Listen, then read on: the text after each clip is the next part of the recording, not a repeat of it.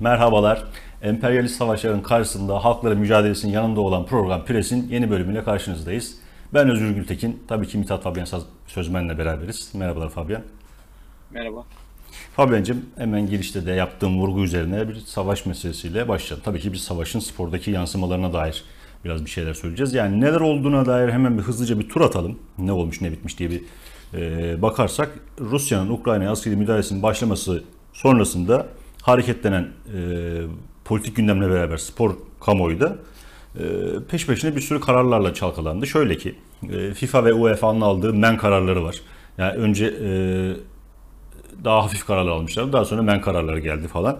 Uluslararası Olimpiyat Komitesi'nin yine e, Rus ve Belarus sporcuların e, organizasyonlara davet edilmemeleri noktasında bir tavsiyesi var. E, Gazprom'la olan anlaşmaların UEFA'nın anlaşmasının iptal edilmesi meselesi var. E, nasıl daha da bir sürü madde var önümde. Tek tek saymak istemiyorum da. Yani UEFA Avrupa Ligi'ndeki e, Leipzig Spartak Moskova eşleşmesi iptal edildi falan filan. Şimdi hep bunlar böyle Rusya'ya yönelik yaptırımlar şeklinde gidiyor. Yani burada e, kulüplerin savaş karşıtı açıklamaları var. Türkiye'den de e, kulüpler savaş karşıtı açıklamalar yaptı. Futbolcuların e, basına verdiği demeçler var. İşte biz Rus takımlarıyla nasıl karşıya karşıya geleceğiz falan gibisinden işte bu tip şeyler. Baktığımız zaman tablo böyle olumlu, savaş karşıtı bir tablo olarak gözüküyor. Ama sen ne düşünüyorsun peki? Bunun arka planında başka bir şeyler var mı? Ya zaten e, kabul edilmeyen bir şeydi ama uluslararası spor her zaman uluslararası siyasetin bir uzantısı. Bu bunu e, oluşturan spor kurumları da aslında her zaman buna göre e, davranıyordu ama bunu her zaman yani spor e, siyaset üstüdür e, diyerek biraz örtmeye e, çabalıyorlardı. E, tabii yani gelinen noktada bu bütün alınan kararlar aslında bugüne kadarki e, tavrında çok e, reddi gibi e, oluyor. Yani demek ki e, spor o kadar da siyaset üstü değilmiş gibi oluyor ama bir anda tabii bu kadar e, ciddi kararların alınabiliyor olması da enteresan çünkü hani İkinci Dünya Savaşı başladığında bile daha IOC hala hem de Nazi Almanya'sında işte kış olimpiyatları düzenlemeye falan e, çalışıyordu. Yani öyle bir e, geçmişten gelen bir e, gelenekten bahsediyoruz. Ve e, bir anda e, bugüne kadar hiç görülmemiş şekilde e, men kararlarının alınıyor olması başka şeyleri de düşündürtüyor. Bir ikiyüzlülüğü de gündeme getiriyor. Evet. Çünkü bugüne kadar Amerika dünyada iş, işgal etmediği yer kalmadı ve biz böyle bir Amerika'ya yönelik bir yaptırım duymadık. Suudi Arabistan e, Yemen'de binlerce e, insan öldürdü, çocuk öldürdü, hala e, öldürüyor. Böyle bir şey görmedik. İsrail için yine aynı şey geçerli. Böyle bir şey görmedik, görmüyoruz. Ya da kendi ülkemize dair e, böyle bir şey görmedik. Dolayısıyla hani niye e, bu men kararları bir anda bu kadar güçlü bir şekilde alınabildi? Bu enteresan. Hani e, fark ne? Savaşın e, Avrupa'da oluyor olması mı? E, ya da e, saldırgan tarafın karşısında NATO e, yanlısı güçlerin olması mı? Yani hani buradaki farkı oluşturan şey bu mu? Hani niye gariban e, Yemen, Suriye, başka pek çok ülke e, böylesi bir e, şeyle e, hareketle desteklenmedi bugüne kadar? E, bu mesajlar niye böyle verilmedi? Hani bugüne kadar bu kadar sert hamlelerin arka arkaya alınıp sadece e, 60'larda Güney Afrika var. O da apartheid rejimi altında e, siyahları tamamen ülkede ikinci e, plana itmenin ötesinde e, hani katliamlarla ve başka pek çok ayrımcılıkla sindirmiş bir rejimdi ve ülke yani Güney Afrika içindeki aydınların zaten esas olarak e, yürüttüğü bir mücadelenin sonucunda Güney Afrika uluslararası spordan men edilmişti.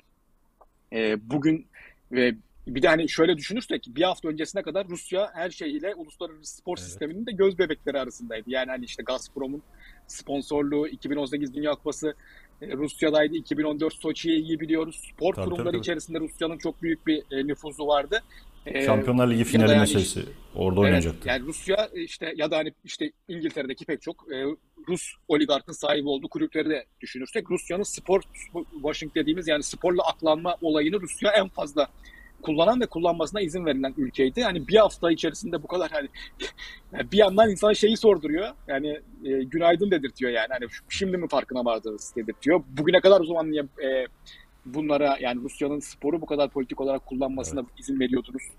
E, sorusunu akıllara e, getiriyor. E, bir yandan da e, bunun karşısında pek çok başka iki yüzlülüğü yani başka ülkelere karşı niye bu kadar kolay bu kararları almadığımız meselesini e, akıllara getiriyor. Onun dışında işgale karşı hani e, o sporcuların gösterdiği tepkiler yani özellikle Rus sporcuların gösterdiği tepkiler hani önemli. E, ya da hani şeylerin e, tribünlerde e, taraftarların yani hani onları halkların müzantısı olarak görürsek e, halkların gösterdiği tepki e, önemli. Ama e, uluslararası spor kurumları açısından da devletler açısından da çok ciddi bir ikiyüzlülüğün olduğunu da e, söylemeden geçmemek gerekiyor. Evet evet. Yani burada e, sporcuların gösterdiği tepkiler de ya bu ikiyüzlülük meselesinde buralara girmiyorum. Çünkü kişisel tepkiler neyin ne olduğunu, nasıl davrandıklarını konusunda çok bir şey söylemek mümkün değil. Ama burada FIFA'nın mesela e, tavrı konusunda bir şeyler söylenebilir. Yani Atalanta'da e, Malinowski tişörtünün e, formasının altındaki tişörtte No War in Ukraine yazılı tişörtü gösterdi. Ama bu daha önce benzer durumlarda ceza aldıklarını gördük sporcuların. Bunda herhangi bir ceza şu ana kadar e, bahsi edilmiş değil. Yani FIFA'nın, UEFA'nın buralarda da yine ikiyüzlü davrandığını bir daha söyleyebiliriz aslında. Ya davransın zaten hani şeyse e, olumlu bir yani zaten o hani bir şey o mesa e, formayı çıkartıp altında işte tişört görünmesin falan. Yani o şeyin tek nedeni e, sporcuların politik mesaj vermesini e, önlemek ve o tabii o politik mesajı da e, dönemsel çıkarlara göre. Yani hani eğer e, bize aykırı bir şey yoksa yani tamam mesajı verebilirsin ama yok e, işte X işçi direnişim direnişine mi destek veriyorsun? Ne o zaman olmaz ya da hani e, bir Amerikan işgaline mi karşı çıkıyorsun? Ne o zaman olmaz belirtiyorlar kendilerine. Dolayısıyla orada bir e, karar verici bir bekçi pozisyonu e, koyuyorlar kendilerine ve tabii e, orada bir ikiyüzlülükten evet bahsedilebilir. Ama yani şeyse yani evet hani mesela olumlu bir e, vaziyet varsa olumlu bir şekilde hani yorumlanabilecek bir e, mesajsa tamam bunu yapın ama herkese yapın evet. o zaman. Yani ya da bu saçma şeyi değiştirin. Kuralı. Evet, evet. evet. Devam edelim Fabian'cığım buradan e, Süper Lig meselesine bir girelim. Süper Lig'e girelim. Şimdi Süper Lig'de e, bu hafta keyifli bir haftaydı aslında. E, yani önceki haftalara nazaran çok daha maçların canlı ve çok gollü olduğunu gördük. Hatta Süper Lig'de e, bu hafta gol rekoru kırıldı. 44 gol yayın, atılmış. Tam da yayın sözleşmesi arifesinde. evet. Güzel. 27. hafta 44 golle sonuçlandı. 10 maçın bir tanesinde sadece gol atılmadı. O da Adana Demir Antalya maçı 0-0 bitti ki e, aslında ben o maçta da gol olmasını çok gol olmasını bekliyordum ama o 0-0 bitti. 3 e, puanlı sistemi geçilmesinden bu yana e, en gollü şeymiş haftaymış 43 golmüş daha önceki rekor. Şimdi 44 golle sonuçlanmış bu hafta. Şimdi maçlar keyifliydi. Yani geriden gidip en sondan geriye doğru gidersek yani daha doğrusu Fenerbahçe maçından çok keyiften belki bahsedemeyiz ama ee, onun dışında Galatasaray maçı gollü hareketli, Fenerbahçe e, şey Beşiktaş maçı gollü hareketli ki Trabzon maçı çok iyi bir maçtı seyir zevki açısından. Yani şimdi totalde ama bugün bu haftaya yine damga vuran işlerden birisi yine var oldu. Şimdi maçları ve takımları zaten konuşalım ve üzerinde söylememiz gerekenleri. Ama var ve hakemler meselesi de yani inanılmaz her hafta daha kötü giden bir performans var iki konu açısından da. Böyle bir başlayalım istersen Süper Lig'e. Yani hani VAR'dan eğer hakemlerden başlayacaksak yine e, bütün tartışmaları çıkaran şey aslında standartsızlık oluyor. Yani hani e, bir yerde faal olan niye orada değil, bir yerde penaltı olan niye orada değil e, tartışmaları yani hani bu kadar e, birbirinden farklı kararlar e, verildiği sürece e, devam edecek. Orada bir e, standardı belirleme yönünde bir yani öyle bir irade olması lazım ve hakemlere sezon başında e, bunun hani net bir şekilde belirtiliyor olması lazım ki o ligde bir şey oluşsun yani. E, tamam hani buna yani İngiltere Ligi'ni izlerken biz diyoruz yani bu Premier Lig'de şey değil, faal değil.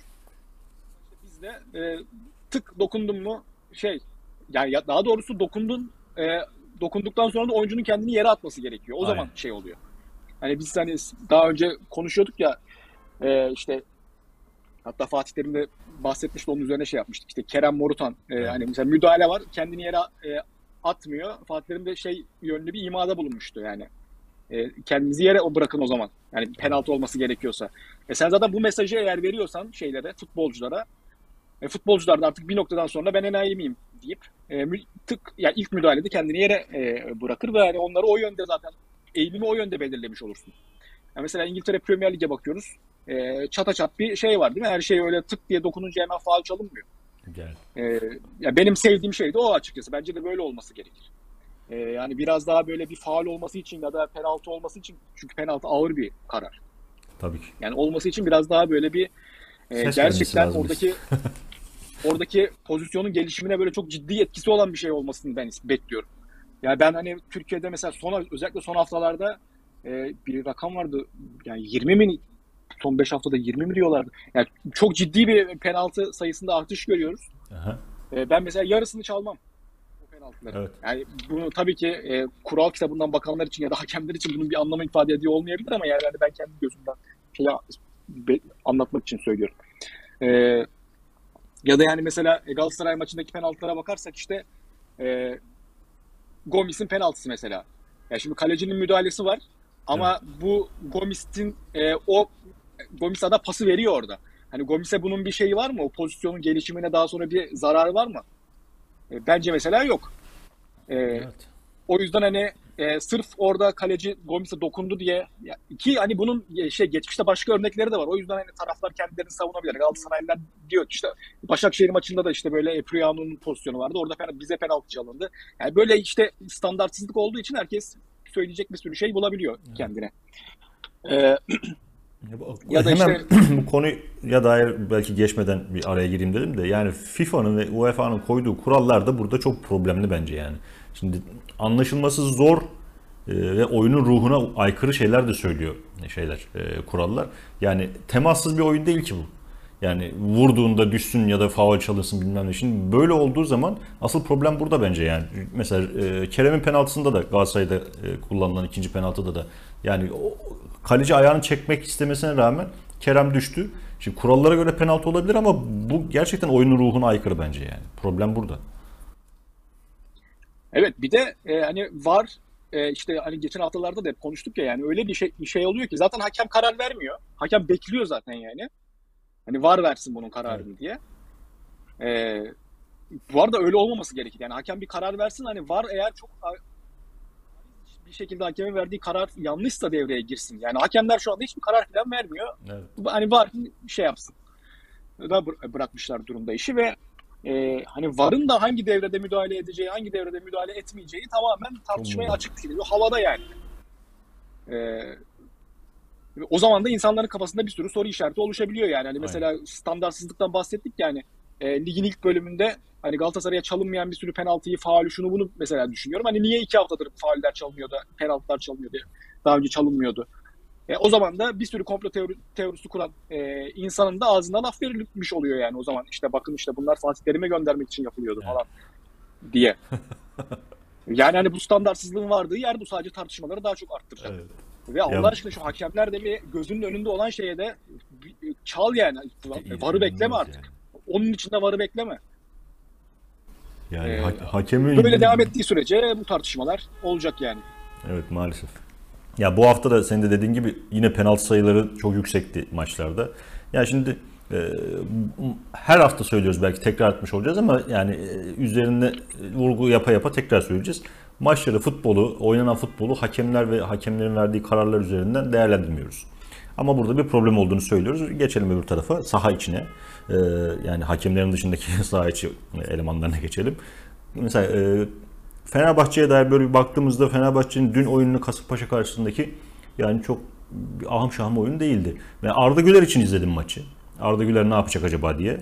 Ee, en büyük şeylerimiz e, sevinç kaynaklarımızdan biri olmaya başladı son zamanlarda. Ama çocuk şimdi geçen haftalarda oynadığı mevkinin dışında oynatıldı biraz da. Ee, kenarda oynadı aslında. Ve daha az verimli gibi geldi bana. Ee, şeyin sonrasında da toplantıda basın toplantısında İsmail Kartal da biraz gerildi bu konuyla ilgili. Yani Arda Güler'le ilgili, Ferdi ile ilgili sorulan sorulara falan. Biz Arda'yı 3 hafta önce kimse tanımıyordu gibi şeyler söyledi. Biraz tartışmanın böyle ele alınması biraz bence tuhaf aslında. Bilmiyorum sen ne diyorsun? Ya Fenerbahçe çok kötü oynadı. Öncelikle onu söyleyeyim. Ama Fenerbahçe'nin bu sene e, yani şu- oynadığı oyuna göre hakikaten en başarılı takım. Yani kötü oynamasına rağmen kazandığı maç sayısı çok fazla. E, bu da bir başarı sonuçta. E, ama hani İsmail Kartal buradan yola çıkarak e, yani son haftalarda çok gergin. Bu Arda Güler meselesinde de yani verdiği yanıt da öyle. Yani 3 hafta önce Arda Güler'i kim tanıyoruz yani 3 yıl demeyeyim de hani bir buçuk yıl önce bile Arda Güler İsmail Kartal'dan daha popülerdi. Yani hani hiç o meseleye girmesin. Hani. Daha kim tanıyordu işlerine falan hiç girmesine gerek yok. Ee, zaten e, ilk 11'de çıkarması e, insanlar onu bekliyor. Yani hani biraz Arda Güler'in oynamasını bekliyor. Ben, bence de yanlış bir pozisyonda e, oynatıldı ama Hani bu bunlar da yani bu tecrübeleri kazansın istiyor zaten insanlar. Hani e, o pozisyonda da yani e, pozisyonda da oynamaya alışsın. Yani çünkü her ne kadar e, hani çok çok yetenekli ve e, oyun isteği çok yüksek. Yani bunları herkes e, görüyor ama tecrübe başka bir şey. Evet. E, tecrübe yoluyla başkaca futbol bilgilerinin gelişmesi başka bir şey. Sahada başka pozisyonlarda başka işler yapmak zorunda kalmak başka bir şey. Dolayısıyla hani yanlış pozisyonda oynatılmış olma, olsa da bence oynaması e, değerli ve hani fizik eksikliğinden hani başkaca pek çok eksikliğini giderme yolunda atacağı en önemli, en önemli adımları böylece atacak. Ben o bakımdan hani yani hani ilk 11 çıkardığı maçtan sonra bile böyle bir savunmaya girmesine gerek yok İsmail Kartal'ın. Evet yani. Yani çünkü herkes biliyor ki 3 hafta önce de Arda Güler herkes biliyordu zaten Türkiye'de. Ee, İsmail Kartal son haftalarda biraz fazla bu gerginlikleri fazlaca yaşıyor ve e, biraz gereksiz polemiklere geliyor. Hani buna hiç gerek yok e, bence. Daha rahat Kendine de zarar veriyor yani. Aynen. Evet, doğru diyorsun. Ee, Galatasaray'a bakarsak Galatasaray'da da e, şimdi her hafta Kerem Aktürkoğlu'nun performansı bir e, standardın üzerinde veya işte oralara yakın doluyordu. Yine Kerem Aktürkoğlu için benzer bir şey söyleyebiliriz ama Galatasaray'da bir artı var bu hafta bir de Van Aanholt. Şimdi Galatasaray'da 4-2'lik galibiyetin mimarlarından birisi aslında. Yani şimdi Torrent oyundan memnun olduğunu falan söyledi. Ben ilk yarıya dair özellikle Galatasaray'ın çok iyi olduğunu düşünmüyorum. Bilmiyorum sen ne diyorsun? Bence ilk yarıda iyiydi. İkinci yarıda e, ya ben özellikle hani belli bir özellikle 70'ten sonra falan e, takımın düştüğünü hani gole gole kadar yani golden sonra yani gol geldiği anda artık ben hani gol beklentimin bittiği dakikalardı yani öyle söyleyeyim. E, ya şimdi şöyle yani Rize kötü bir takım. Çok evet. hakikaten çok sıkıntılı bir takım. Dolayısıyla Rize karşısında oyunu e, belli anlamlarda domine etmenin öyle çok abartılacak bir tarafı yok. E, kazanınca tabii her şey farklı değerlendiriliyor. Ya tabii ki bu teknik heyette çalışıyor, oyuncular da çalışıyor, bir şeyler yapmaya çalışıyorlar, oyunu geliştirmeye çalışıyorlar ve e, sonuç gelmeyince bunlar görülmüyor, eleştiriliyor. Yani bunlara katılıyorum. E, ama hani Rize karşısındaki e, belli noktalara kadar e, iyi futbol ya da dominantlık, e, dominant olmanın bir şeyi yok yani hani. E, bir çok değil. acayip bir şey değil bu. Zaten öyle olması gerekir. Evet. Çünkü e, çok zayıf bir takım. E, e, o bakımdan hani Galatasaray işte bu maçlarda şu bölümlerde iyi oynamış falan yani. Hani bunları bu bence çok yeterli değil. E, onun dışında e, Galatasaray yani Rize karşısında bile kendini çok zor e, durumlara sokmayı e, e, başardı. Yani bu hakikaten Yeni Malatya dışında e, bu kadar zor hallere düşecek takım yoktur yani Rize karşısında. Bu bence çok ciddi bir sorun. Yani maç kazanıldı diye e, eğer bu tartışmanın üzerinden atlanırsa hata yapılır. E, Şeyde, e, Rize maçıyla ilgili Van Aanholt'tan belki bahsedebiliriz. Bir e, de... Van Aanholt e, basın toplantısında da değinildi. Hani işte orada Van Aanholt ve Kerem üzerinden e, adam zaten şey basın toplantısında kendisine fut, saha içine dair e, mantıklı bir soru sorulunca adam mutlu oldu çok, yani. Çok sevindi. İlk defa gördü Türkiye'de böyle bir şey. Evet, yani belli ki e, işte o da söyledi hani zaten bunun üzerinde çalışıyoruz e, filan diye. E, yani evet zaten hani bunların üzerine çalışılıyor olması lazım yani. Ben bunların övülü, övülüyor olmasını bence şey biraz. Yani hani bu kadar da seviyeyi o kadar dur düşürmememiz e, gerekiyor diye düşünüyorum ama e, ülkemizde maalesef futbol seviyesinin ne kadar yani düşük olduğu bir, biraz da şeyden de e, belli. İşte Getson mesela evet. e, adam 6 aydır top oynamıyor ve gelirken yani sadece bu hafta da değil lige adımını attığı andan itibaren zaten ligin e, iki kat üzerinde bir oyuncu olduğunu gösterdi ve bu oyuncu Benfica'da hiç düşünülmeyen bir oyuncuydu. Yani hani ligimizin seviyesinin e, nerede olduğuna başka işaret ya da işte Galatasaray e, ligin en ve sonuçta bütçe olarak ligin yani orta sahadaki oyuncu kalitesini eleştirebiliriz ama yani bütçe olarak ligin en üst seviye bütçelerinden e, biri ve e, yani maç boyunca Getson'u hiçbir şekilde e, önlem ala, alamıyor bu evet. bütçede bir şey olmasına rağmen ki Getson da takım arkadaşlarından neredeyse hiç yardım alamamasına rağmen. Evet, evet. Ee, onun dışında Getson tartışmalarına dair yeniden hani girecek olursak hani işte Galatasaraylılar şey plan yorum yapıyor işte. Ee, hani maçın başında da yani Getson sonuçta bir frikikçi değil, golcü bir oyuncu da e, değil ama yani öyle bir gol oldu ki şey yani şey gibi senaryo yazsana bu, bu kadar olmaz yani e, diye ama hani biraz karma mı diyeyim ya da sen eğer işini belli noktalarda çok kötü yapıyorsan e, hani Getson da sana gelir o golü atar. Yani bu tamamen e, Galatasaray yönetimine karşı bir karma. Evet. ya da hani taraftar mesela Getson'u yuhal, yuhaladı maç boyunca. Yani rakip oyuncu sonuçta hani rakip oyuncunun moralini bozmak açısından anlaşılabilir olabilir ama yani yani Getson'un Galatasaray'a zaten siyah çelenk falan bırakması lazım yani adam son bir yılda e, yani benim diyen taraftarın yapmadığı kadar Galatasaraylık yaptı. Evet. Sen adamı alamadın yani. Hani Getson'un yuhalanacak bir şeyi yok. Ee, ya da hani Galatasaray yönetimi sen işte e, e, gerekli parayı bulamadın ya da işte menajerle anlaşamadın. Do- so- neticesinde Getson'u kaptırdın ve şey bu. e, yani son yılların en büyük e, zararlarından birini verdiniz siz Getson'u aslında kaptırarak. Yani çünkü yani işte geçen seneden beri konuşuyoruz. Yani Getson bu ligin çok üzerinde bir e, oyuncu ve senin hani buraya zaten ben ya geçen sene Galatasaray'a geldiğinde e, şaşırmıştım yani herhalde çok çok düştü de yani yoksa Türkiye Ligi'nde ne işi var diye düşünmüştüm. Hakikaten ilk geldiği bir ayda e, çok iyi oynamıyordu. E, ondan sonra ama yani bir çıkışını gerçekleştirdi ve yani nasıl bir futbolcu olduğunu ortaya e, koydu. Yani e, çok olağanüstü bir durum olmasa zaten Getson Türkiye Ligi'nde de düşecek bir oyuncu değil. Ve şu anda eğer senin onu transfer etme imkanın doğduysa ve sen de bir e, bir e, transfer döneminde eğer 25 milyon euro bonserviste harcamışsan ve Getson'u alamamışsan e, burada senin e, planlamana dair çok ciddi soru işaretleri yani çok büyük bir yanlış yaptığın ortada.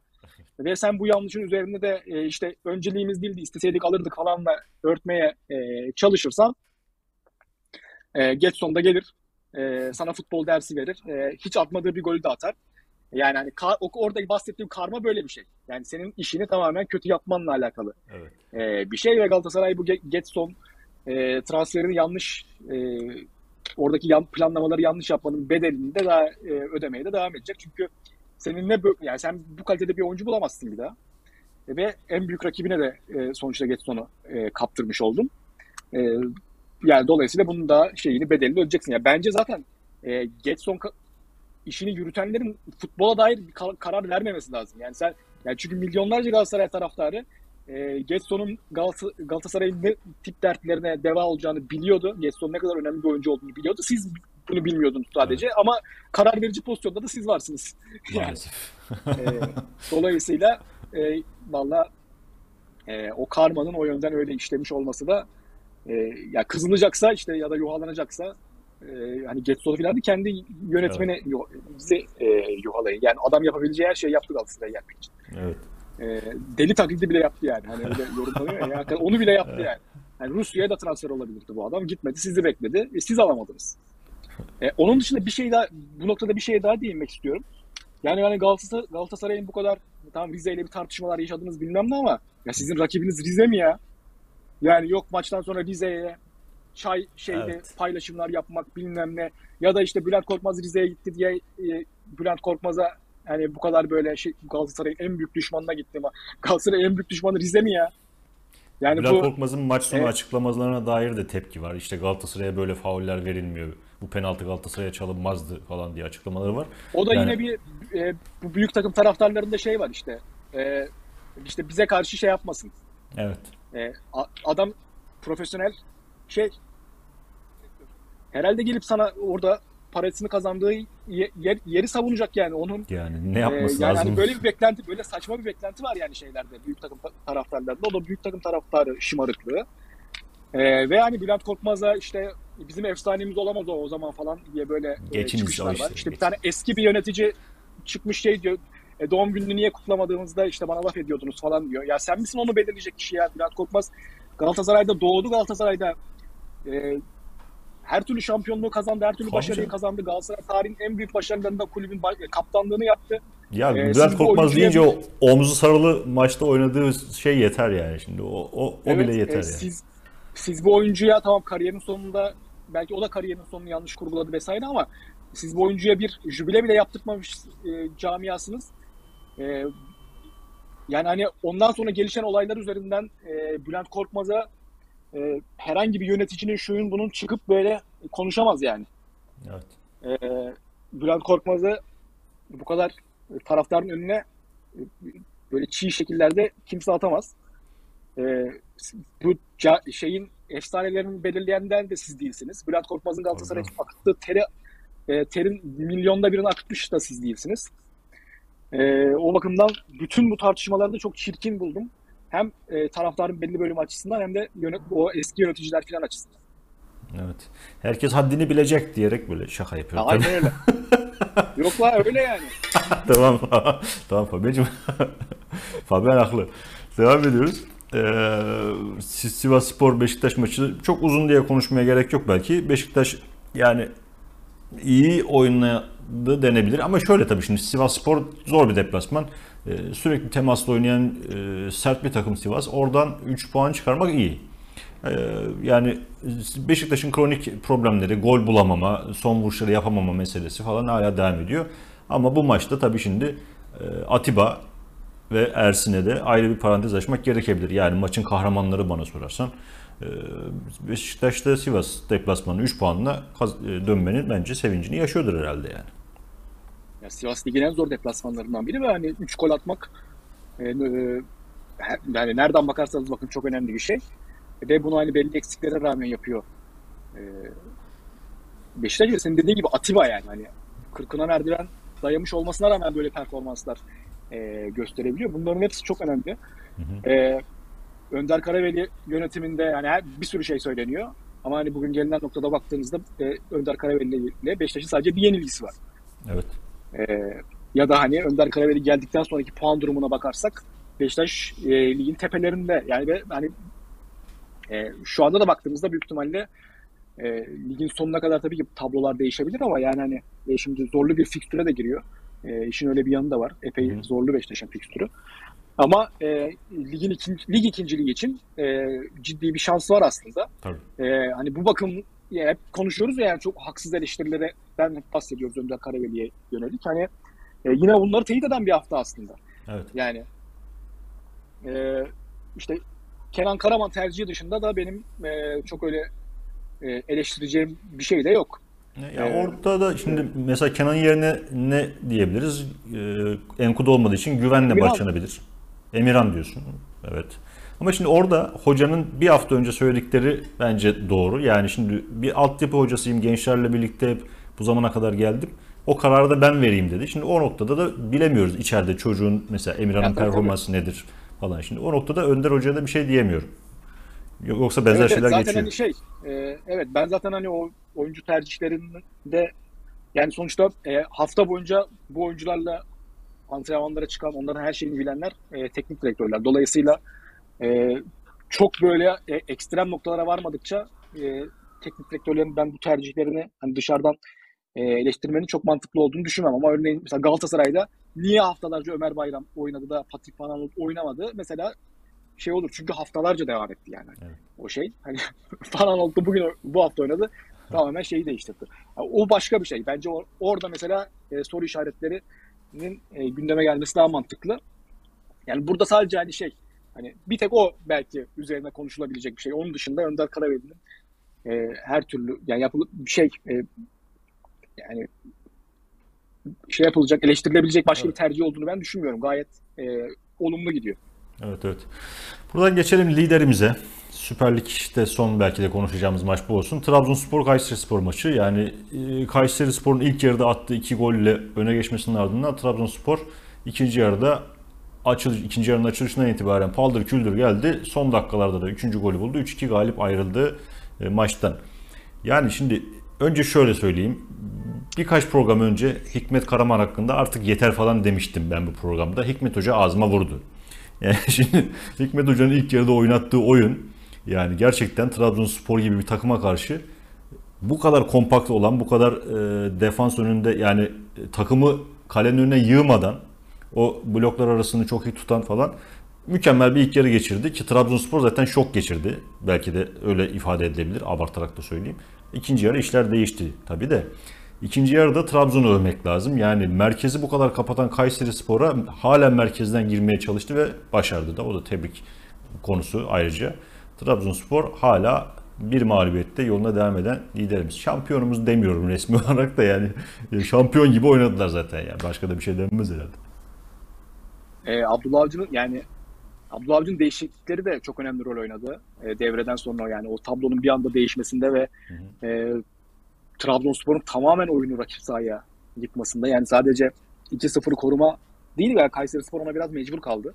Hı hı. Ve e, müthiş bir baskı vardı hakikaten. E, yani gol belki şans eseri gecikse Kayseri biraz e, oyunu tutabilirdi. Onun dışında hiçbir şansı yoktu yani. İki, O iki gol kesin gelecekti.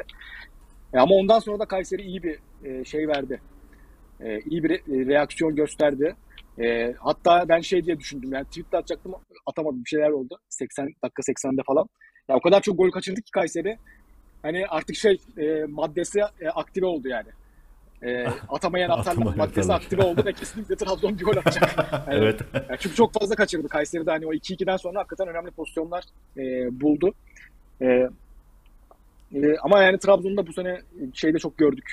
E, hani son ana kadar bir şekilde zorluyorlar ve e, o kazanan takım e, karakterini ortaya e, koyuyorlar. Bu maçta biraz e, öyle oldu ve maç sonunda yine kazanmayı bildiler. E, kazanmalarına gerek de yoktu yani hani beraber de bitse. Ya, tabii. Yani taraftar da mutlu ayrıldı. Çünkü 2-0'dan dönmüş maç. Bir de zaten puan farkı e, ortada ama e, yani Trabzon e, yoluna devam ediyor. Hem e, bir şekilde dramayı koruyorlar hem e, keyif veriyorlar hem kazanıyor. E, Evet. dolayısıyla e, şey hani Trabzonspor taraftarı olmak şu anda epey keyifli. Evet. Yani bu tip e, sezonda güçlü ilerleyen takımlarda Beşiktaş'ta da Sergen Yalçın'ın şampiyon olduğu sezon benzer bir şey oluyordu. Bir ivmelenmeyle gidiyor. Yani e, oyuncular daha güçlenerek gidiyor, psikoloji güçlenerek gidiyor gibi gibi. Çok büyük bir kırılma Özgüven. yaşanmazsa, özgüven. Çok büyük bir kırılma yaşanmazsa ki Trabzon'da bu hiç şu anda e, olası gözükmüyor. Olağanüstü, çok olağanüstü bir şey olması lazım. Böyle Trabzon gidecek sonuna kadar herhalde. Yani Ruslar işgal etmezse hiçbir şey yok yani imkanı yok. Evet. Evet. Savaşın da Trabzonspor'un şampiyonluğuna denk gelmesi güzel. Evet, Fabio'cum, Buradan geçelim bir bir can sıkıcı meseleye maalesef bahsetmemiz lazım ama e, çünkü spor medyasında yer almadığını gördüğümüz, çok dillendirilmediğini gördüğümüz bir mesele. Şimdi Urla Belediyespor kadın basketbol oyuncusu Caitlin Jenkins'in uğradığı saldırıdan bahsedeceğiz. E, haberlerde bir Google taraması yapınca görürsünüz zaten, izleyicilerimize söylüyorum. Gör- görülür zaten ne olduğu. Caitlin Jenkins e, bir türlü takımla, e, koçla daha doğrusu anlaşamıyor. Kendisinin ifadelerinden yola çıkarak anladığımız kadarıyla. Ve e, koç adını da söyleyeyim Hakan Yiğit takım koçu. Hakan Ha- Yiğit. Hakan Yiğit de e, sürekli münakaşalar yaşıyorlar ki Hakan Yiğit'in e, videolarla sabit nasıl karakterde bir insan olduğunu az çok anlayabiliyoruz. Kendisi küfürbaz, kavgacı bir insana benziyor. En sonunda Caitlin Jenkins'e e, daha önce de birçok müdahalede bulunulmuş. Ama en sonunda da bir e, fiziki müdahale, fiziki saldırıda da bulunulmuş kendisine. Caitlin Jenkins de e, bu konuda hukuki, hukuki yollara başvurduğunu söylüyor. Ya, Urla Belediyespor tarafından yapılan açıklamalar var. Hakan Yiğit de açıklama yapmış, kendilerini savunmuşlar ama yani maalesef e, medyada yer bulamadığı gibi bir de kadın bir basketbolcu, bir de e, siyah bir kadın basketbolcu olması dolayısıyla belki de bilmiyoruz bundan artık hangi sayıklarla hareket edildiğini. E, kendisine destek veren de az e, ses çıktı şu, şu, şu zamana kadar yani biraz öyle söylemek lazım. Yani Urla Belediyespor'un mesela açıklamasına baktığımızda tamamen Caitlin Jenkins'in ne kadar işte sorunlu bir insan olduğundan işte yani hani şu anda yaşananları şey hak ediyor gibi Evet. çıkan bir şey ve yani e, hiç kimsenin teyit edemeyeceği de bir sürü suçlamayla birlikte meşru gösterilmeye çalışıyor Ya Hakan. bunlar ve doğru bile olsa bu gerekçe mi yani değil mi yani? Yani tabii ki e, doğru bile olsa istiyorsa dünyanın en arıza e, insanı olsun. E, gitsin salonun ortasına tuvaletini yapsın. Yani kesinlikle e, Hakan Yiğit'in sadece o videoda gördük gördüğümüz şeyler bile yeterli. E, hani böyle davranmaya hakkı yok. Çok ağır bir şekilde cezalandırılmalı ve maalesef buna dair de e, hiçbir adım atıldığını e, görmüyoruz. Bu yani ya çok ciddi pek çok problemi de aslında e, gündeme getiriyor. Yani hani bir kere zaten orada koç oyuncu hiyerarşisinin pek çok kez e, nasıl e, istismar edildiğini biliyoruz. Yani küçük yaşlardan itibaren ve bu profesyonel şeyde bile e, safhada bile böyle ve bu hani e, organizasyon biraz daha e, düşük seviyelerde olunca tabii daha ağır şeylerde e, görüyoruz. Yani burada da işte Hakan o küfürleri, şiddet e, ve yani bunu bir erkek bir kadına yapıyor. Bir de böyle Evet. böyle de bir şey var. Ve e, küfürlerin e, oradaki küfürlere falan baktığımızda da yani e, bunu bir erkeğin bir kadına yaptığını e, düşünürsek aynı zamanda yani cinsel şiddetin de sınırlarını zorlayan şeyler var. E, dolayısıyla yani bu çok ciddi bir burada yani ortalığın yerinden şey olması lazım. Yani herkesin bunu konuşuyor olması lazım. Ve hani e, bu bir örnektir sadece. Pek çok küçük yaşlar tekrar söylüyorum küçük yaşlardan itibaren yani pek çok erkek koç ve e, kız takımı ya da işte kadın takımları profesyonel şeylere baktığımızda e, böyle şeyler yaşanıyor. Evet. E, böyle bir baskı kuruluyor oyuncular üzerinde. E, bu münferit bir olay değil yani. Değil. Burada farklı olan belki de şu olabilir mi Fabian'cığım? Araya giriyorum. Şimdi Catelyn Jenkins'in e, yaşadıklarını aslında resmi olmayan kaynaklardan duyduğumuz sporcuların sonradan söyledikleri e, şeyler de var, örnekler de var bu başına gelenleri.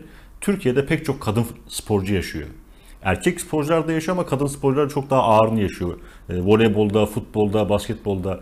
Ancak Catelyn Jenkins gibi e, cesaret edemediklerinden dolayı da bu çok e, birçok olayda üstü kapalı kalıyor aslında. Böyle bir Tabii durum telefonla o anları e, belgeleyecek bir şey olmasa şimdi Caitlyn Jenkins'e yani bu görüntüler olmasına rağmen neler söylüyorlar. E, bu olmasa birincisi buna e, bu bütün bu şikayetleri, bütün bu istismarları, kötü davranışları bir e, bunun savunuculuğunu yapacak bir sporcu birliğinin yokluğu çok ciddi şekilde hissediliyor. Bunların üzerine gidecek bir medyanın eksikliği çok ciddi şekilde hissediliyor.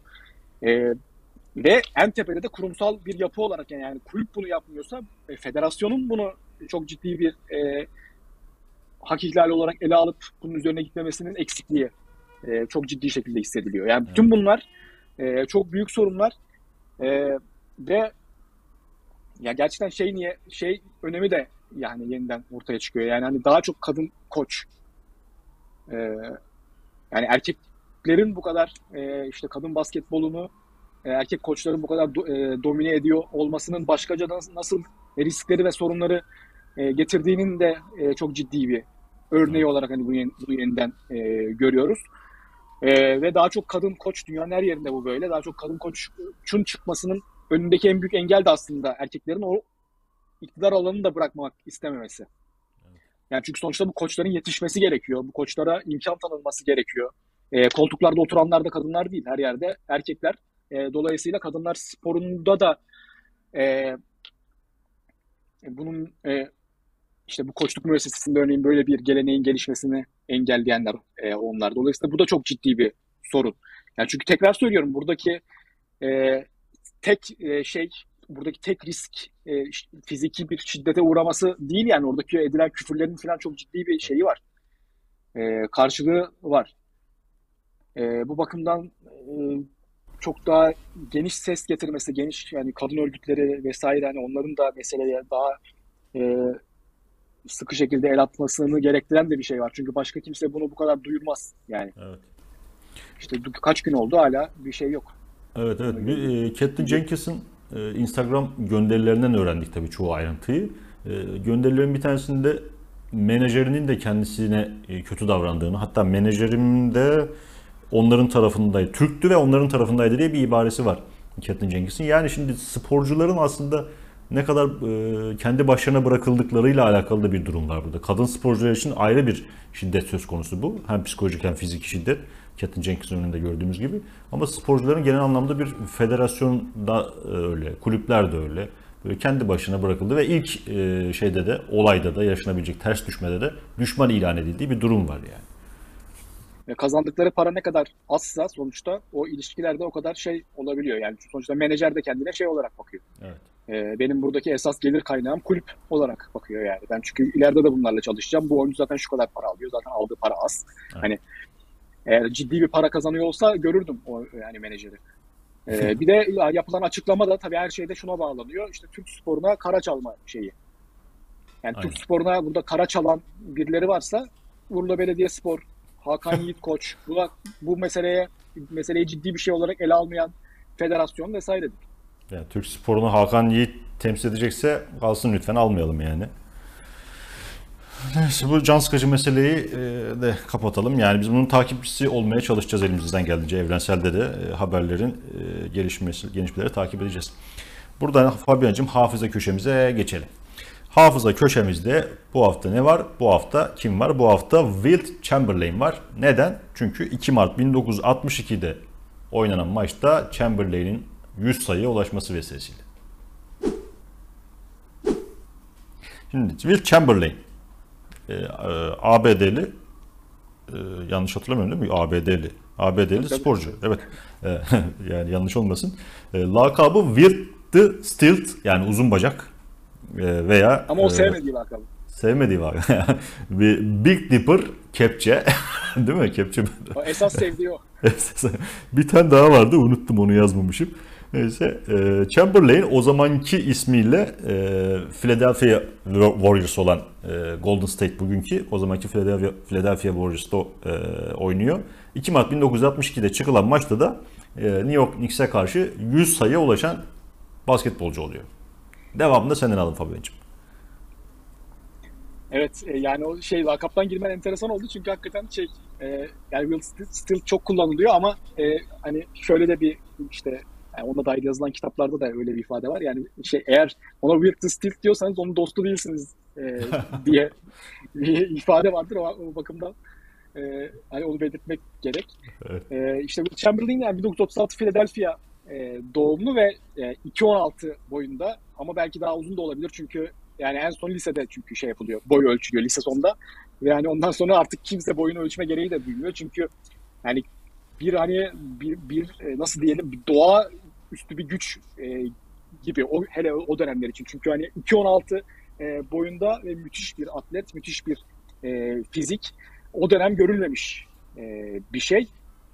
Dolayısıyla artık adama herhalde NBA'ye geldiğinde yani senin bir daha boyunu ölçmeye herhalde gerek yok diyorlar. Ve hani şey e, herkesin ancak e, başını kaldırarak e, bakabildiği bir e, oyuncu. Hani Bill Russell dahil e, NBA kariyeri boyunca onun en büyük e, rakibi ve önemli de bir dostu aynı zamanda e, olan e, Bill Russell dahil herkesin sadece kafasını kaldırarak e, bakabildiği bir oyuncu. Ve e, bu doğa harikası güç de 2.16 boyundaki e, 1.70 ve 1.65 boyundaki anne ve babanın e, oldu. Yani Üst üste koysan. Bilmiyor.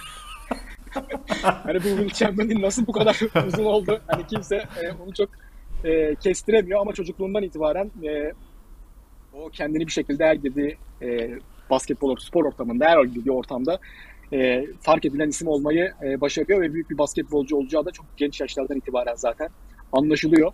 Üniversite zamanı e, geldiğinde tabii peşinde pek çok e, kolej var ve Evet. o dönem işte Philadelphia Warriors'ın e, sahibi Ed Gottlieb e, şey diye düşünüyor yani UPenn'e gidecek yani Pennsylvania Üniversitesi'ne gidecek ama e, buraya giderse e, bizim maçlara kimse gelmez herkes bunun maçlarına gider e, diye düşünüyor ve dolayısıyla e, onu bir şekilde Kansas Üniversitesi'ne e, gönderiyor. Dolayısıyla e, Philadelphia Warriors'ın hani zaten o dönemler NBA'de çok fazla tribünlerde olmuyor ama hani en azından belli bir miktarda seyirciyi korumuş o- oluyor ve e, Will Chamberlain de Kansas'ta 3 yıl geçirdikten sonra son e, senesinde artık e, tabii para kazanması gerekiyor. O da Harlem o dönemin meşhur show takımı Harlem Globetrotters. E, onda orada bir sene e, geçiriyor ve sonra NBA'ye e, geliyor.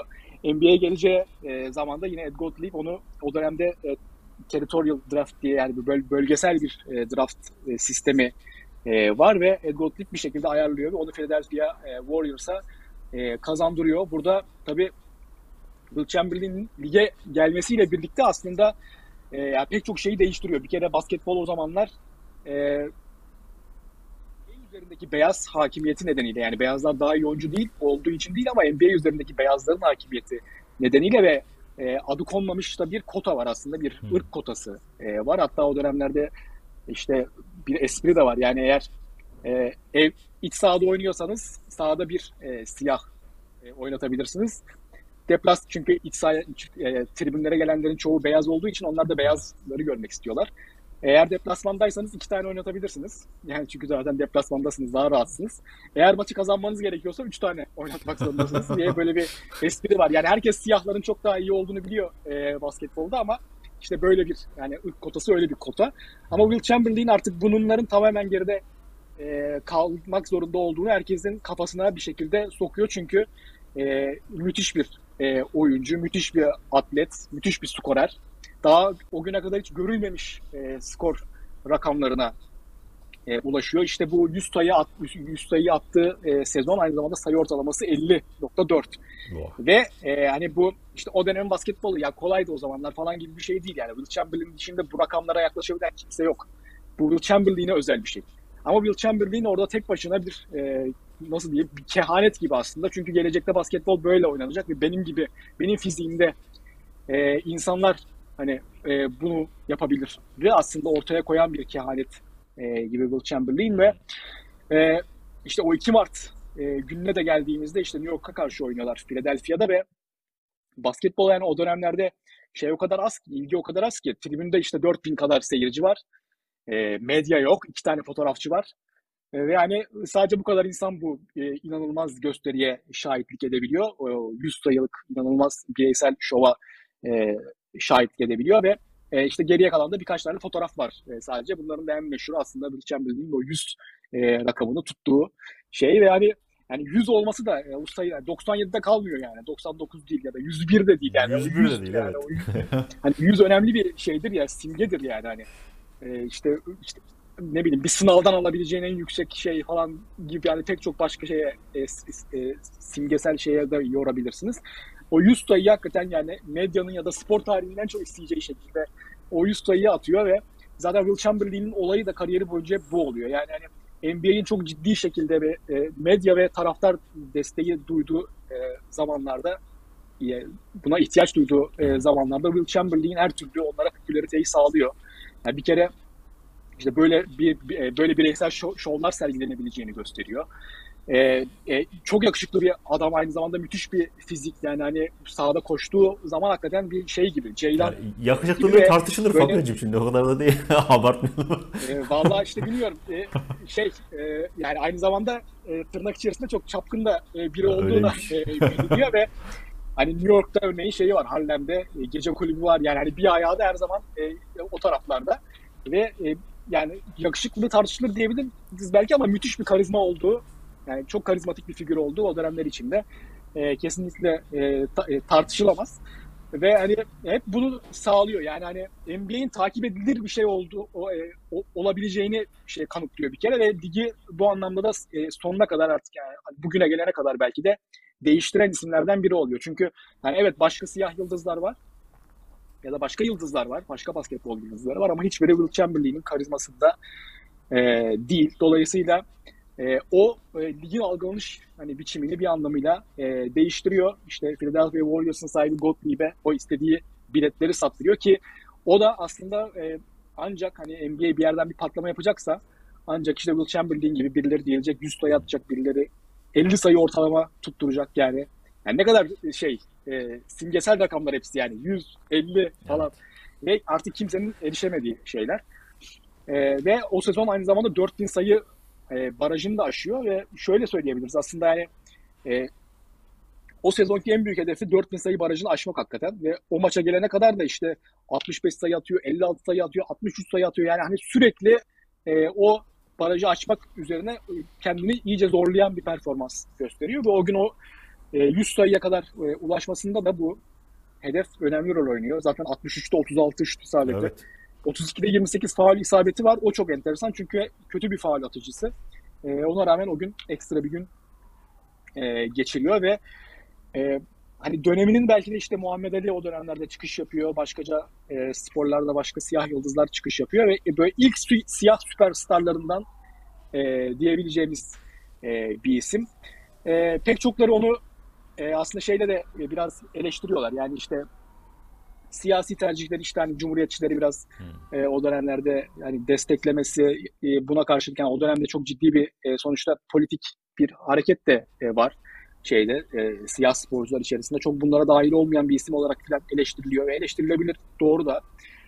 E, ama hani bunun da yani Will Chamberlain yani başka o dönemin pek çok siyah ismini de yıldızını da e, göz önüne aldığımızda hep bir kendini ispat çabası ve kendine sonuçta e, egemen olana ispat çabası var. Yani o da o dönemin beyazları ve e, hani bu da rol oynamış ve kendini sevdirme şeyi var. Evet. Yani şey bu var yani kendini bir şekilde sev, sevdirmek istiyor. Ve e, zaten e, onu göremediğinde de en morali bozulan moralini bozan şey de o ve hatta şeyde meşhur lafında e, öyle diyor. Yani kimse gol yatı sevmez diyor. Hani e, Davut ve gol yat şeyi vardır ya. Herkes e, yani ben herkes beni çok işte uzun boylu, çok güçlü filan e, olarak e, görüyor. Dolayısıyla işimin çok kolay olduğunu zannediyor. E, kimse gol yatı sevmez. Herkes daha underdog görüneni, daha işte zayıf görüneni sever. Bu da benim e, benim lanetim de bu e, diyor. Hani biraz Evet. o dönemki hissiyatı e, o biçimde ama onu tanıyanların her zaman söylediği şey e, şu yani çok e, çok nazik bir insan çok e, etrafındakilere her zaman e, kol kanat geren yani işte onun olduğu masada kimse hesap ödeyemez yani mesela E, ya da bir, bir yardım şeyi olacaksa özellikle e, profesyonel oyuncular ki o dönemlerde çok fazla sakatlıklar yüzünden işte kariyeri biten oyuncular var e, ölüm döşeğine gelen oyuncular var falan onlar için bir yardım etkinliği olacaksa Will Chamberlain hani ne olursa olsun oraya giden, para almadan giden ve her türlü etkinliğe katılan bir isim. Örneğin hani Bill Russell politik olarak çok destek çıkarız, şey yaparız, överiz, överiz ama o mesela hep oralara şeylerle giderdi. Yani yani ya para ister ya şey ama Will Chamberlain'de kesinlikle böyle bir şey yok. Sonuna kadar kendi yani şöyle söyleyelim çok e, o döneme göre çok ciddi paralar kazandı ama o paraların yarısını belki etrafındaki insanlara harcamıştır. Yani öyle bir e, insan. E, ve çok da zor bir e, çocukluktan şeyden geliyor. E, hani baktığımızda her zaman yani ona bakınca belki e, insanların kafasında da canlanıyordur. Her zaman böyle çoraplarını çok uzun giyer. O bir şey değil yani. O bir e, estetik bir kaygıdan estetik bir kaygı da rol oynuyor ama o kaygı şöyle bir şey. E, bacaklarında binlerce sivrisinek ısırığı yarası var. Çünkü çocukluğu boyunca e, tarlada çalış, çalışan bir şeyden bahsediyoruz. Çalışmak zorunda olan bir birisinden bahsediyoruz ve hani binlerce e, sivrisinek yarası sonucu e, bacakları hakikaten oraları çok deforme olmuş durumda ve onu biraz gizleme e, çabası. Ve hani e, hani tüm bunları e, düşündüğümüzde gerçekten e, hem basketbolu değiştirmesi bakımından hem e, siyahların, e, siyah yıldızların e, ve, ve bütün sporlarda o dönem e, görülme biçimini e, değiştirmesi bakımından yani o özgüveniyle etrafındakilere yardımcı oluşuyla işte o şeyde ki Harlem'deki gece kulübü mesela hani e, Karim, Karim Abdul-Jabbar da o da e, Harlem'de e, büyüyor ve hani çok genç yaştan itibaren onu takip ediyor. Onu biliyor daha lise, ortaokul çağlarından itibaren onun e, ne kadar iyi bir basketbolcu olacağını biliyor. E, Karim Abdul-Jabbar da yani o dönemki adıyla Wilson'dır da inanılmaz e, çekingen bir çocuk. Yani hani sıfır sosyal yetenek. Ee, hani tam bir inek yani hani öyle söyleyelim. Ve onu kanatları altına alıyor. Genç yaşlarından itibaren şeyine götürüyor. E, gece kulübüne götürüyor. Onu New York'u gezdiriyor. Yani ona biraz hayatı öğretiyor. Hayatta hani e, basketbol kariyeri boyunca nelerle karşılaşacağını aslında e, öğretiyor. Dolayısıyla hani bu benim e, yani onu bir rakip olarak görmüyor. E, onu anlatmaya çalışıyorum. O bakımlardan da hani aslında yani ne kadar iyi bir insan e, olduğunu e, hani işte hep Michael Jordan'dan falan bahsediyoruz da ne kadar evet. rekabetçi, ne kadar herkes kendisine şey olarak görüyor, e, düşman olarak görüyor falan. Yani Will Chamberlain de çok büyük bir e, hani rekabet iş saha içerisindeyken evet öyle. E, ama hani böyle saha dışında böyle e, yanları da var ve onun dışında e, hani şunu söylemeden de geçemeyeceğim. Yani büyük bir ego. Zaten büyük bir ego olmasanız ee, her gün işte kendimi böyle kanıtlayacağım, çıkacağım, 100 tutayı da atacağım yani her şeyi başarmış bir insan olarak zaten bunu yapmazsınız. Yani 100 tutayı da atmayı vereyim. Ben o gün 15 tane yani takım arkadaşlarımı oynatayım falan diye düşünürsünüz zaten. Hani, ama o sürekli kendini bir e, kanıtlama e, çabasının da ötesinde bir ihtiyacıyla e, yaşayan bir insan olduğu için e, oralara yöneliyor zaten ama e, böyle insanlar da biliyorsun e, çok anlatmayı ve e, biraz abartmayı e, severler. E, bizim de kültürümüzde şey hikayesi vardır. Şener Şen'in filminden e, ötürü. E, elleriyle aslan öldürme.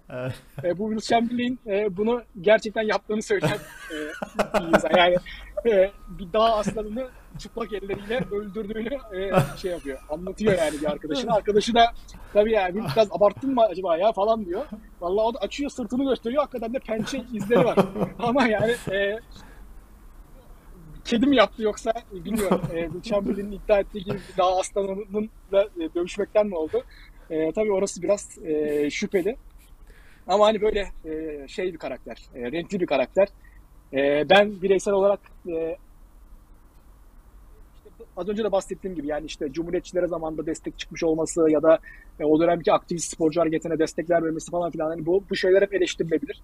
Hı hı. E, ama e, hani bu tip yanlarından e, ötürü her zaman da bir e, sempatiyle yaklaşmışımdır ve E, öldükten sonra e, işte çok güzel bir şey var. E, Philadelphia Inquirer o dönem hani e, öldükten sonra çıkan şeyde e, haberde eğer Will Chamberlain ölebiliyorsa herkes e, ölebilir diye bir ifade var. Bu hakikaten onun hani ne kadar böyle bir e, doğaüstü bir varlık olarak e, Evet. görüldüğünü, imajının öyle olduğunu da e, çok güzel özetleyen e, bir şey ama e, hani bütün bu e, bireyselliğinin çok ön, pla- ön plana çıkarıyor olması, tek bir yıldız olarak böyle ön plana çıkarılıyor olması falan bunların e, çok e, olumsuz yanlarına falan da değinilebilir tabii ama e, hakikaten bu karizmayı da e, yaşantısı boy- boyunca, kariyeri boyunca e, sağlamış çok önemli bir e, isim. E, iki tane NBA şampiyonluğu var çünkü e, hani hep böyle loser olarak da bir, yan, bir yanıyla adlandırılır. Tamam işte çok yani bütün e, her türlü bireysel başarıyı kazanmış ama hani şampiyonluklar nerede diye. Tabii orada Bill Russell ve e, Boston Celtics takımının hocam çok iyi bir takım o ve ona biraz takılıyor kariyeri e, boyunca. Bu yüzden sadece iki şampiyonluğu var. E, ama hani bu basında ve ya da işte bazı ondan onu sevmeyen çevreler tarafından hani bu loser diye adlandırılmasından da daha çok e, içerleyen bir isim. E, Bill Russell en büyük rekabet ettiği kişi ama aynı zamanda e, dostu da aynı zamanda. Yıllar içerisinde bir dostluk da gelişiyor aralarında. E, ilerleyen yıllarda Bill Russell'dan bu ifadeleri duyduğunda hani bu loser şeyine hakikaten kalbi çok kırılıyor ve ne kadar e, bir yandan şey e, hassas bir insan olduğunu da anlayabiliyoruz. Bill Russell'ı da e, e, yani Bill, bunu başkalarının değil hani herhangi bir taraftarın, seyircinin ya da ondan nefret eden birisinin değil ya da gazetecinin değil. Hani Bill Russell'ın bu ifadeyi kullanmış olması onu çok kırıyor ve e, kalbi kırık bir şekilde aslında öldüğünde de kalbi kırık e, bir şekilde en büyük dostuna ve rekabet ettiği kişiye biraz kalbi kırık bir şekilde ölüyor. Bu da e, üzücü. Evet. İlle dostun bir tek gülü yaralar demiş Will Chamberlain. evet. Fabio'cum teşekkür ediyoruz. Bu hafta ben da, teşekkür ederim. bu hafta da programın sonuna geldik. Haftaya tekrar görüşmek üzere diyelim.